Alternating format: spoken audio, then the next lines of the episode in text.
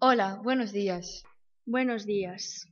Hoy es el día en que todo el mundo duerme. Nosotros aquí, currando. Buf, estoy hecha polvo. Hoy no dormí, fue muy larga la noche, así que vamos a acabar esto rápido, anda. Bueno, pues dame el papel donde está la información, que no me la sé. Lo tienes delante. Perdón, perdón. ¡Espabila! En el mes de diciembre habrá cielos despejados y no habrá casi viento. Lo estás leyendo mal que ese papel no es. Sí, que es ese cállate. Ay, perdón, vi yo mal.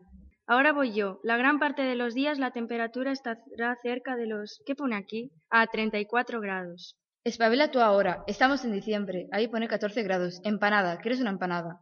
Bueno, más o menos. Lee bien ahora, que veo que te cuesta. Por favor, centrados en vuestro trabajo que me quiero ir a mi casa. Sí, sí, ya no la lío más. Bueno, las temperaturas mínimas rondarán los 9 grados con algún día de 11 y 12, pero serán cambios con poco mes de temperatura. Mi ma, ¿ahora qué pasa? Que ni hablar sabes. Pensé que tu problema eran los números, no las letras. Acabar ya, por favor. Bueno, esta es la previsión del tiempo. Para el mes de diciembre. Ahora nos vamos a dormir que creo que no hará falta. Bueno, eso será a ti, yo estoy perfecta. Divina. Tira a las dos para la casa anda.